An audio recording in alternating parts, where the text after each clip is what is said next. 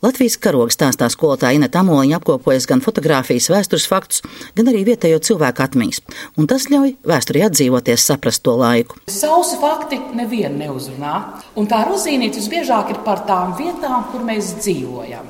Un šoreiz tas ir Valmieras stāsts arī par Jānu Lapiņu.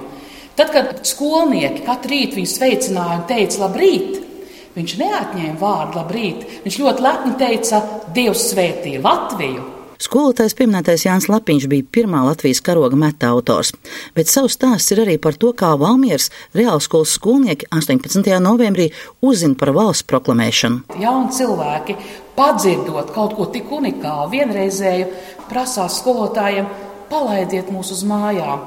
Mājas, kur nu kurām matīšos, rūjienā vai arī masalacā un bērni ar kājām, jo transporta jau nav, skriešus dodas pie saviem mīļajiem. Jo taču tāds fakts ir jādara zināms visiem. Bet runājot par patriotismu ieaudzināšanu, tad skolotāji uzskata, ka vispirms tas ir jāsāk ģimenē. Man ir mazmeitiņa, kurai ir seši gadi.